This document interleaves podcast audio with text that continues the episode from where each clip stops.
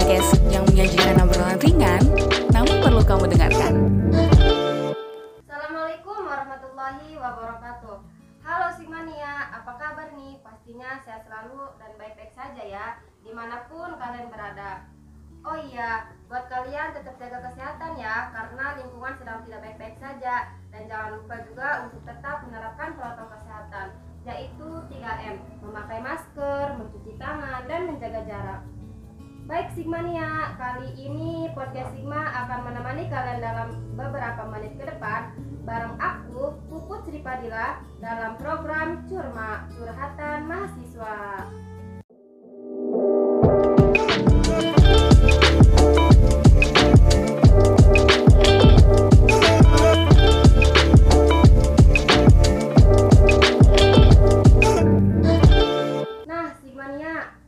Podcast Sigma kali ini aku akan ngebahas tentang PPL online vs PPL offline loh. Wah, seru banget nih kayaknya buat kita dengerin. Apalagi bagi kalian nih yang belum ngerasain dan pengen tahu apa itu PPL online dan offline. Tentu sebenarnya udah nggak asing dong ngedenger tentang apa itu PPL. Sebelumnya saya sedikit ngasih tahu nih tentang apa sih yang dimaksud dengan PPL. Jadi Sigmania, PPL itu merupakan program praktik pengalaman lapangan di mana program kegiatan yang bertujuan untuk mengembangkan mahasiswa sebagai calon pendidik dan atau tenaga kependidikan. PPL juga dilakukan oleh mahasiswa kependidikan untuk memberikan kesempatan agar dapat mempraktikkan sebagai macam teori yang mereka terima di bangku perkuliahan.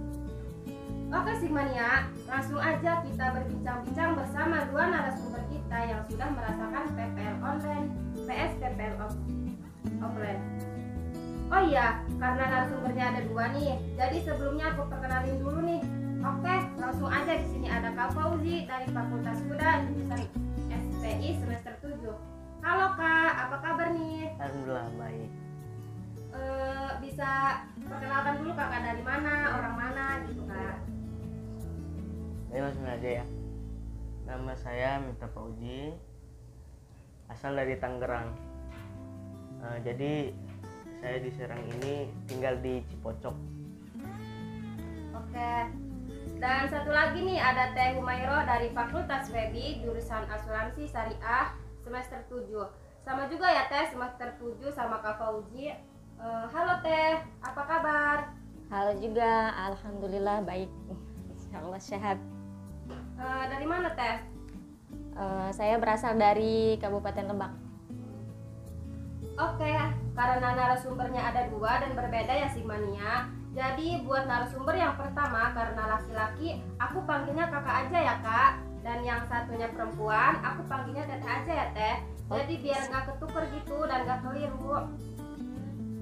Oke Sigmania, karena tadi udah kenalan nih, jadi langsung aja ya kita ngebahas tentang obrolan kita kali ini yaitu tentang PPL online PS offline. Wah cukup menarik sekali ya kak. Oke, langsung aja ya. Oh iya, menurut kakak pribadi nih, apa sih bedanya PPL online sama offline? Mungkin dari Teh Humairah dulu ya, karena Teteh akan ngasih tahu sedikit penjelasan tentang PPL online. Bisa langsung dijelasin ya Teh? Eh, mungkin langsung aja ya. mungkin kita semua udah nggak asing lagi mendengar kata online ya, karena emang sudah hampir 2 tahun kita Kuliah juga online ya sekarang? Iya, kuliah juga online. Bahkan kita juga merasakan PPL online. Uh, mungkin online itu kan bisa diartikan atau enggak bisa dipadankan dalam bahasa Indonesia itu sebagai dalam jaringan ya. Dalam jaringan yaitu berarti perangkat yang menggunakan uh, bahan elektronik yang menggunakan yang terhubung pada jaringan internet. Jadi pada saat kita melakukan atau melaksanakan PPL online, kita itu eh, melalui media Zoom kayak Classroom atau juga kita bisa lewat media chat, WA ataupun email dan yang lainnya. Mungkin kita bisa dibilang eh, nggak tatap muka ya. Iya, betul. Kalau online kan nggak tatap muka gitu tuh. Jadi hanya suara paling lihat juga gambar gitu. Jadi kita nggak langsung datang ke perusahaannya. Pas kebetulan kita kan emang asuransi ya. Kita di PPL-nya di bagian Aparindo. Jadi kita melaksanakan PPL online itu ya gitu, cuman melaksanakan media Zoom paling. Kadang-kadang juga kita uh, video call, bisa video call lewat chat atau enggak via email gitu. Mungkin itu sih ya. Oke si Mania, karena tadi udah kita bahas mengenai PPL online, selanjutnya kita akan bahas juga nih penjelasan PPL offline menurut Kak Fauji. Silahkan Kak. kalau PPL offline itu yang kebalikannya dari online ya kalau online itu daring dalam Iya. jaringan kalau offline itu kita luring luar jaringan yang mana luring ini kita di luar jaringan uh, dalam internet gitu kan. Jadi kita bisa bertatap muka kita berdiskusi bareng gitu kan. PPL sendiri. Jadi kalau kita offline itu enak kita bisa tatap muka sambil berdiskusi. Dia ketika kita mempunyai masalah kita bisa menemui dosen pembimbing lapangannya kita curhat gini permasalahan kita uh, dalam melaksanakan kegiatan gitu kan masalahnya dari yang pertama dari A sampai Z kita bisa curhat kepada dosen Eh, terus nih Kak, menurut Kakak apa sih bedanya PPL online sama offline gitu? Mungkin dari Kak Fauji dulu deh. PPL online bedanya sama PPL offline Ya, menurut Kakak apa nih? PPL online tuh gini kasihan misalnya kalau mahasiswa yang ada di pelosok gitu ya yang terbatas dengan jaringan terbatas dengan ekonomi kan beli kuota juga harus pakai uang kan Iya benar. harus pakai materi sedangkan misalnya kalau mahasiswanya itu kekurangan materi ataupun nggak ada jaringan gitu kita nggak bisa melakukan kegiatan PPL gitu kan kalau online hanya terkendala terkendala itu dengan jarak pertama. Dan itu juga bisa diusahakan kan Iya. yang banyak ada kendaraan umum terus juga ada motor pribadi kan Bisa ngikut ke teman gitu kan? iya bisa ikut teman itu sih bedanya tapi kalau offline itu biaya pengeluarannya itu lebih besar juga gitu Tapi bisa enak gitu ya bisa ngobrol langsung bisa sama enak gitu bedanya. gitu. Terus juga bisa ketemu teman-temannya secara langsung gitu kayak. temu kangen met and grab Iya. Iya nih dari Teh Humairo gimana? Apa sih bedanya PPL online sama offline? Ya kalau menurut saya sih offline. Ya kita bisa bertemu langsung. Iya.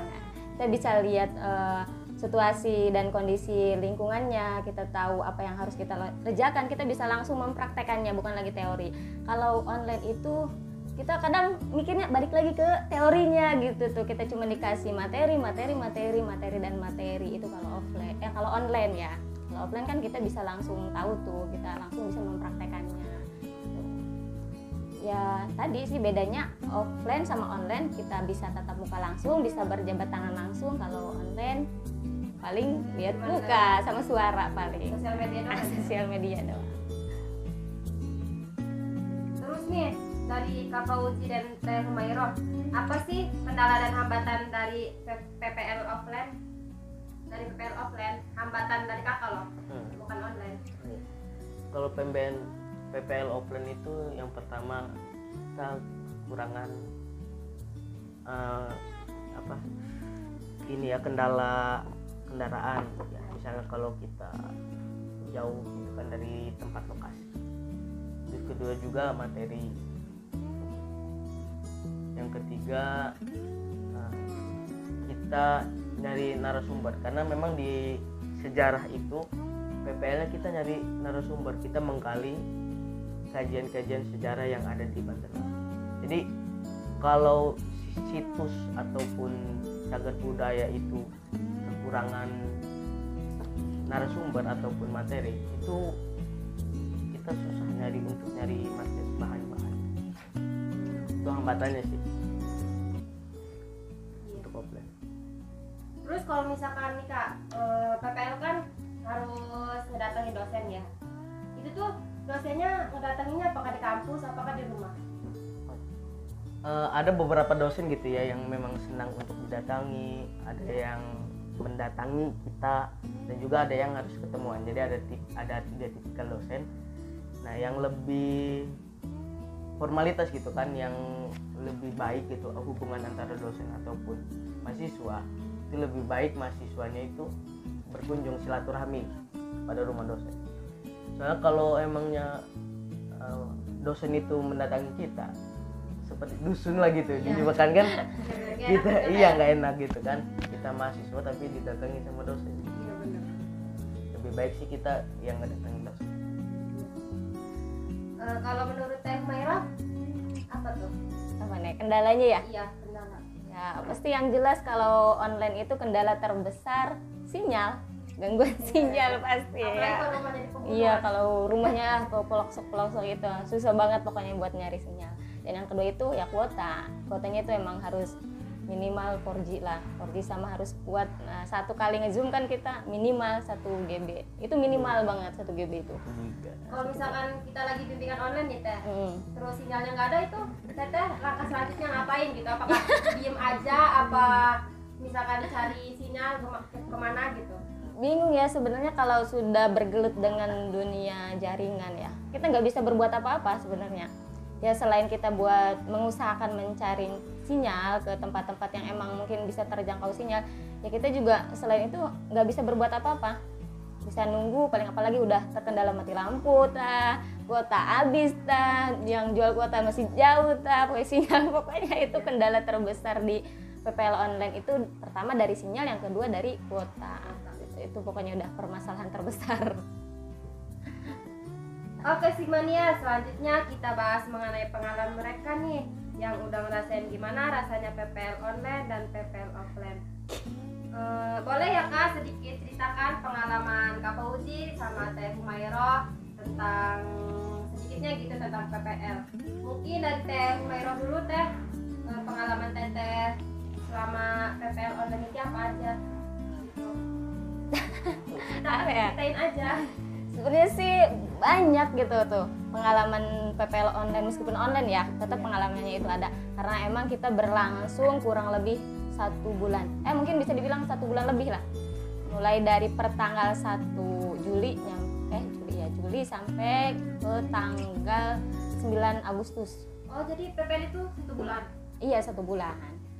Kita pertemuan atau enggak penutupan PPL itu di tanggal 9 malahan. Jadi offset kalau bisa dibilang ya eh, lewat lah, lewat dari satu bulan. Karena emang ya gitu. Sebenarnya eh, salah satu kendala juga ya. Tadi waktunya harus sebulan full kan, cuma 30 hari. Akhirnya karena emang online bisa diundur-undur kan, sekama-kama kita akhirnya penutupan itu di tanggal 9 itu tanggal 9 berarti eh, satu bulan lebih ya pengalaman sih banyak selain ya yang jelas ya kalau online itu biasa mahasiswa ya kalau offline kan kita harus siap-siap pagi-pagi mandi siap-siap sarapan ini itulah. Pokoknya yang ngejar kendaraan yang ini itulah.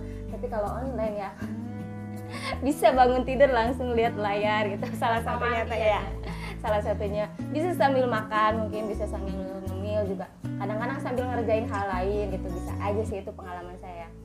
Eh, awalnya sih saya berharap eh, bisa on offline tadinya offline.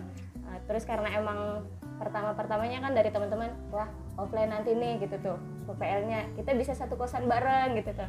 Yang tiga tahun ke belakang kita nggak pernah bareng. Dan akhirnya malahan yang terjadi PPL-nya online gitu terus Sedih nggak tuh ya bisa dibilang sedih ya.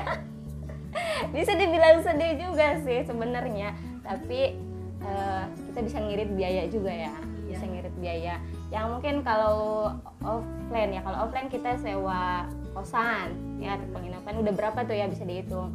Terus juga bukan makan tiap harinya bukan lagi peralatan yang lainnya. Kalau online kan cuman paling modal kuota ya.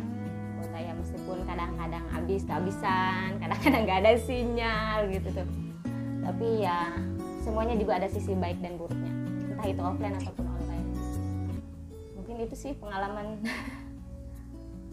pengalaman saya selama PPL online gitu. Kalau Kak Fauzi gimana tuh Kak pengalaman kakak selama PPL offline?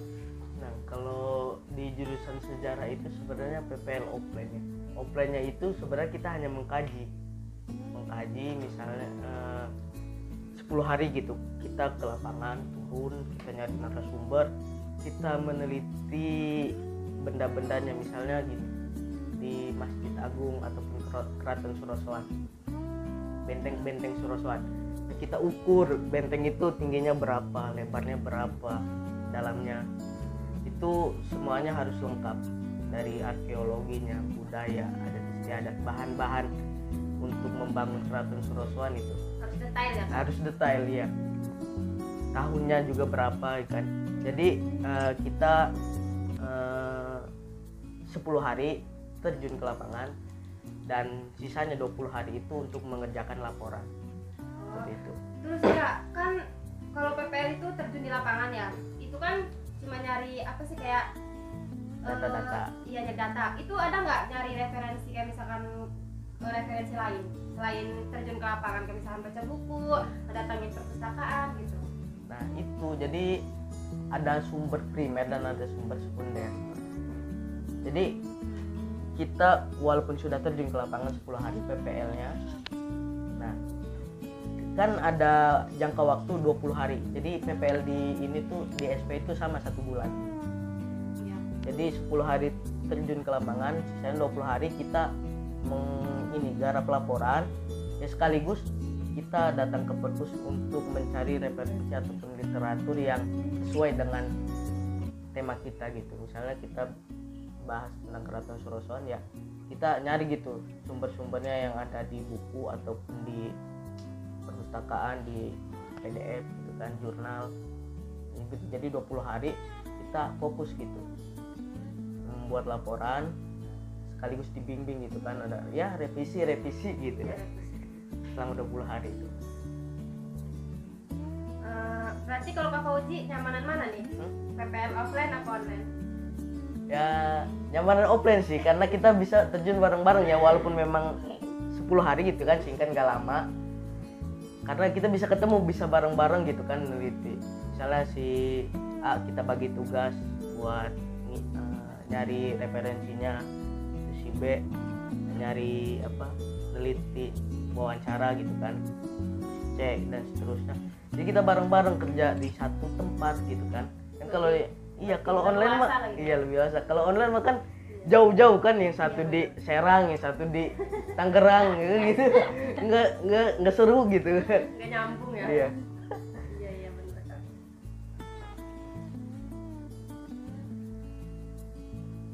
Eh, nah Sigmania eh, dan apa sih kak menurut kakak nih persiapan dari PPL PPL itu gitu? Eh, persiapannya ya awal mau kita ngelaksanain PPL itu apa gitu? Eh, mungkin dari teh Humairah dulu dari PPL online. Itu apa yang perlu kita siapkan gitu. Gitu teh.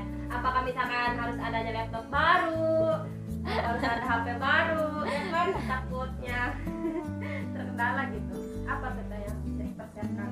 Bisa jadi sih ya. Bisa jadi harus ada laptop ada HP yang memadai ada apa sih jaringan yang bagus kuota yang cukup. Itu sih persiapan kita. Terus juga persiapan waktu juga itu emang harus dipersiapkan kadang-kadang nih ya. Offline sama online itu kalau offline biasanya jam 7 harus ada di tempat. Itu benar jam 7 kalau tapi online, tidak kemungkinan itu online. Online kadang-kadang tiba-tiba ada kendala nih di jam 7 kita nanti pindah ke jam 8 malam ya. Kan itu ya oh gitu ya. Kita udah nungguin gitu tuh ya udah nungguin di jam 7 sebelum jam 7 kita udah on time pokoknya udah ada tuh udah siap segala kuota entah itu laptop ataupun HP gitu. Kadang-kadang "Eh, ibu lagi ini lagi ada meeting di luar negeri ada yang atau apalah lagi di perjalanan kita nanti pindah ke jadwalnya ke eh, malam gitu. Kadang-kadang gitu kita pindah ke jam sekian gitu kan. Kalau offline itu kayaknya kemungkinan kayak gitu tuh kecil gitu. Beda sama eh, online gitu. itu sih harus dipersiapkan juga dari waktu jadi selama 30 hari itu emang benar-benar udah mendingan jangan ke mana-mana gitu udah siapin aja dulu diem aja dulu di rumah dan cari yang sinyal yang emang benar-benar bagus itu sih yang harus dipersiapkan mungkin itu. terus nih teh kan kalau offline kan kalau revisi tuh lewat secara langsung ya tatap Hmm. muka sama dosen pembimbingnya Eh, kan kalau offline udah pasti ya kak Iya. ketemu gitu tuh Iya. terus kita langsung ngobrol apa gimana kan kalau online kan eh, kadang suka lelet gitu dosennya apa gimana teh apa slow respon gitu Kalau kita sih pas kebetulan dari 13 orang, satu kelompok 13 orang diamanatkan di satu eh, perusahaan perusahaan wadah ya Aparindo. Jadi kita dipecah lagi. Jadi tiga kelompok itu per tiga orang. Dari tiga orang kita dikasih pembimbing lagi dua orang. Jadi itu responnya itu eh, lumayan cepat, nggak selalu respon. Terus kita juga bimbingan revisi ataupun yang lainnya kita lewat via email. Ya, saya pribadi sih ya kalau bimbingan itu mah eh, revisi makalah dan yang lainnya itu bisa satu hari itu tiga nyampe empat kali. Karena emang bapak-bapaknya juga kan eh, pekerjaannya online juga. Jadi eh, kemungkinan bisa ngelihat laptop ya langsung ngelihat laptop. Jadi langsung dikirim langsung kirim gitu tuh. Jadi eh, bimbingannya itu kita lewat via email biasanya. Terus juga karena emang kita dibagi kelompok kecil lagi, ya segitu mah kita ke apa ya kebimbing lah. Jadi saat bisa dibilang dua orang mahasiswa satu pembimbing. Kita kadang-kadang video call juga udah puas gitu tuh karena emang kita dibimbingnya dua orang mahasiswa satu pembimbing gitu. tapi virtual ya nggak enak Ah, Tapi kalau offline itu gimana kak? Satu Eh, dosen satu orang. enggak. masih masih banyakan kita. Pas kita emang pas kebetulan dikasihnya 8 apa sih 13 mahasiswa dosen pamong ya dari perusahaannya itu 8 dosen. Itu emang benar-benar kayaknya gitu tuh. Makanya pas kita penutupan pas presentasinya itu dihadirinya 8 dosen pamong. Kitanya cuma 13, udah kayak sidang aja buset. Lumayan tegang juga. Dari 13 mahasiswa, 8 dosen pamong. Eh 8 apa 6 tuh yang hadir. Itu. Dan sama dosen-dosen senior semua. Ada nggak sih teh? Kayak dosen yang killer gitu? kita kena tampar banget itu ya satu kali. Salah itu ya salah penulis bukan salah penulisan sih. Maksud eh, mungkin emang beda paham ya karena emang kita belum nyampe ke paham situ. Kalau dosen pamong kan yang dari dari perusahaannya kan beliau itu kan udah nyampe ke arah sana ya. Nyampe katanya wah kalian jangan sampai apa ya salah gitu salah mengartikan terhadap jurusan kalian gitu tuh. Dari tamparan itu kita juga mikir sih oh iya ya masa kita jurusan sendiri nggak tahu gitu sama ini. Nyampe bener-bener itu mah ada yang nyampe jam berapa? Jam 9 malam itu nyampe kita itu revisi makalah itu. Ya kalau dilihat kalau dibuka itu bolak balik email itu kan karena emang direvisinya sama dua dosen kata yang ini benar yang ini salah yang ini dicoret yang ini benar. Oh udah deh. Kok dua dosen sih teh? karena kan kita dari dibagi satu kelompok lagi. Kita kan empat kelompok dua dosen. Kita kan dikelompokin lagi tuh. Jadi kita itu harus sinkron gitu tuh antara dosen pamong yang satu sama dosen pamong dua gitu tuh. Kalau dosen pamong yang ini setuju itu belum tentu yang dosen satu itu setuju gitu tuh. Makanya kita mundar mandir via email itu. Lumayan.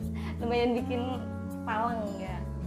Banyak eh, kalau diceritain mah, aduh. Panjang ya? Panjang Apa sedih? bisa dibilang dua-duanya juga sedih. Ah, kayak di sidang.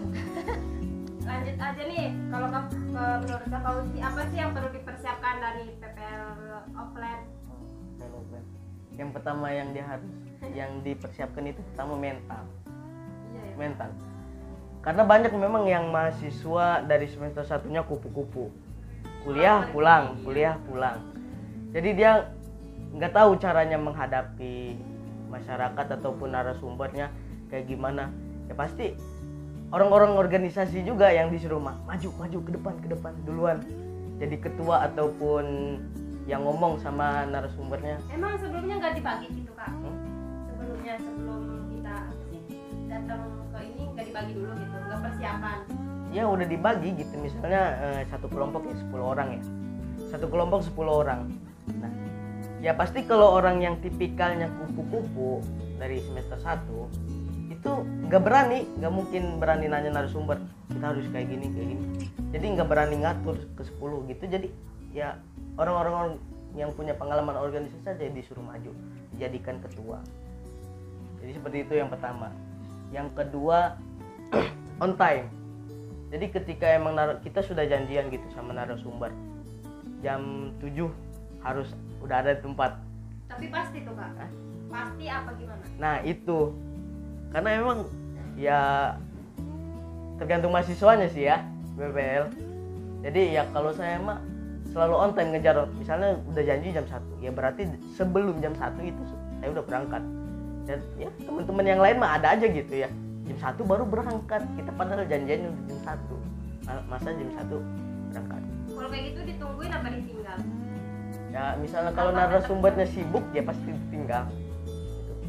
Tapi dia eh, dapat ininya juga kan kak? Materinya gitu dari kelompok kelompoknya gitu. Iya dapat pasti. Kita namanya teman gitu nggak mungkin ninggalin. Ya walaupun memang dia kesalahan dia gitu kan. Terus nih mengenai revisi ya, kan kalau online kan teteh ini kan Via dosennya email, sibuk, iya. malam gitu. Terus kalau Kak Fauzi nih, kalau misalkan dosennya udah misalkan ketemu di kampus jam sekian, pernah nggak kakak tuh kayak di PHP-in gitu tuh kayak nggak jadi gitu dosennya ngebatalin secara tiba-tiba gitu kak? Pernah nggak kakak ngalamin kayak gitu? ya pernah sih gitu jadi sebenarnya mah ada dosennya tapi memang beliau sibuk ya kan eh, saya juga sebagai mahasiswa gitu kan mengerti kalau tugas dosen itu banyak ketika datang beliau lagi ngajar. Kita tungguin sampai sore jam 4 sudah jam 4 beliau mau pulang. Nah kita kita udah nunggu lama-lama gitu kan. Beliau malah pulang besok aja ya pagi. Waduh. kita udah seharian nungguin. Tiba-tiba pulang. Nggak jadi tuh. nggak jadi. Kalau terkait revisi gimana ya? Kita udah bikin gitu kan selama 20 hari kita. Perbarui eh, kita pokoknya rapih lah gitu kan yang terbaik bikin laporan itu. Ketika kita menghadap ke dosen itu ternyata ya ada beberapa kesalahan ya saya juga menyadari. Tapi itu dicoret-coret dicoret-coret. Itu kan laporan kita coret-coret ya kan eh, kalau dikasih kita di nih salahnya di sini solusinya ini ganti. Kan kalau ya iya kan kalau begitu gimana ya mahasiswa juga seneng gitu kan Iya. eh, respect gitu kan baik kalau yang dicoret-coret ataupun dibuang gitu kan dilempar itu gimana ya kayak Oh, ada- kayak gitu kak? ya ada sih beberapa dosen yang kayak gitu Terus kalau misalkan online teh gimana tuh kalau revisinya ada yang salah? biasa kalau online itu kan eh, blok apa apanya sih Blok ininya merah, ya iya. blok Iya. merah paling dicoret gitu tuh nanti balikin lagi filenya ke kita kita ganti lagi kirim lagi gitu kayak bimbingan skripsi sama yang lain aja gitu ya jadi nggak di gitu. nggak dicoret kalau di, di blok doang di blok Tandain. ada yang dicoret ada yang dicoret yang garis tengah itu oh iya Mm-mm, di ada garis doang. Tapi Misalnya. bimbingan kayak gitu ya kan bisa langsung dibenerin gitu. iya gitu Tapi kalau misalkan dibuang sampai dibuang kayak gitu emang pernah ada? ya anda pernah kan harus gitu. dibuang kali itu mbak ya udah dicoret-coret ya maksudnya gini jadi ya kan kita udah ngeprint ngeprint juga kan harus pakai biaya gitu kan kalau online kan karena cuma dicoret doang langsung bisa diperbarui Langsung kan? disalin. di- Langsung di- diperbaiki kalau yang offline mah ketika udah kita bikin laporan dicoret-coret berarti kan kita harus perbaiki lagi Ngetik nge- lagi ya. ngeprint ngeprint lagi gitu kan ngeluarin biaya lagi ini kalau belum selesai kayaknya masih mengeluarkan biaya terus terus biaya lagi biaya lagi Oh gitu ya. Miris amat sih kak sampai disobek kayak gitu mah. Tapi ya jarang sih yang disobek mah paling di Coret ya.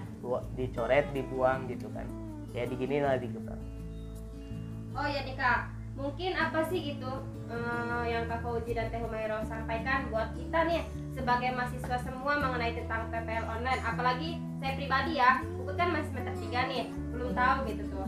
Eh, apa sih keluh kesahnya gitu eh, yang dialami Teteh sama Kak Fauzi keluh kesah selama PPL online dan offline itu. Misalkan sebel ya kayak tadi kan, misalkan eh, revisiannya malam, kayak misalkan ininya dicoret-coret, apa sih gitu tuh menurut kakak? kayak keluh kesahnya mengenai PPL ini. Mungkin dari teh merah dulu deh PPL online. Kan tadi mungkin udah ya keluh kesannya mah. Pesan pesan mungkin ya bisa dibilang Ya, pesannya pesan. ya intinya mbak ya kepada semua mahasiswa ataupun saya pribadi ya intinya eh, tetap semangat tet- eh, jalan dengan serius nanti insya Allah mau offline ataupun online eh, nilainya sebenarnya sama tergantung kita yang menjalankannya. Itu sebenarnya prakteknya itu mau offline ataupun online kalau kitanya emang benar-benar sungguh-sungguh dan semangat insya Allah semuanya juga ada manfaatnya dan ada hasilnya juga. Serta ada pelajarannya juga pasti. Itu nilainya pribadi apa per itu ada yang per kelompok ada yang pribadi. Soalnya kan kita ada yang presentasinya ada yang tugas kelompok ada yang mungkin kehadiran kan gitu. Itu eh, apa ya bervariasi gitu tuh. Mungkin dari situ baru penilaian mah tetap masuk ke akademiknya mah pribadi. Terus nih kalau dari Kak Fauzi apa sih pesannya buat kita semua gitu mengenai PPL offline? Eh, pesannya gini. Buat mahasiswa yang semester 5, 1, 3, dan 5 eh, mu- mulai dari sekarang gitu tekuni jurusan masing-masing. Karena eh, ya di praktikum profesi lapangan itu menjurus gitu. Eh, kita bekerja ataupun magang dan praktik gitu kan sesuai dengan jurusannya masing-masing. Ya jadi kalau kitanya tidak menekuni jurusan masing-masing ya kita nanti ketika PPL kita bingung kita mau ngapain walaupun memang sudah ada arahan. Itu pesannya. Menekuni ya, ya jurusannya masing-masing. masing-masing. Oke Simania, nggak terasa juga ya. Hampir 30 menit kita berbincang-bincang mengenai PPL online, PS PPL offline. Intinya buat kita semua tetap semangat ya, sekalipun kita belum merasakan PPL online dan offline ini, tapi setidaknya kita sudah sedikit tahu tentang apa itu PPL online dan Mukorsibadillah dan beserta narasumber kita Kak Fauzi dan Teh Umairah. Makasih ya Kak udah mau ngeluarin waktunya buat Buki Podcast Simonia. See you next time. Oh iya, Simonia jangan lupa ya untuk follow akun sosial media LPM Sigma Instagram, Facebook, website, dan tentunya Spotify Podcast Sigma untuk mendapatkan informasi terupdate dan menarik dari LPM Sigma. Terima kasih. Wassalamualaikum warahmatullahi wabarakatuh.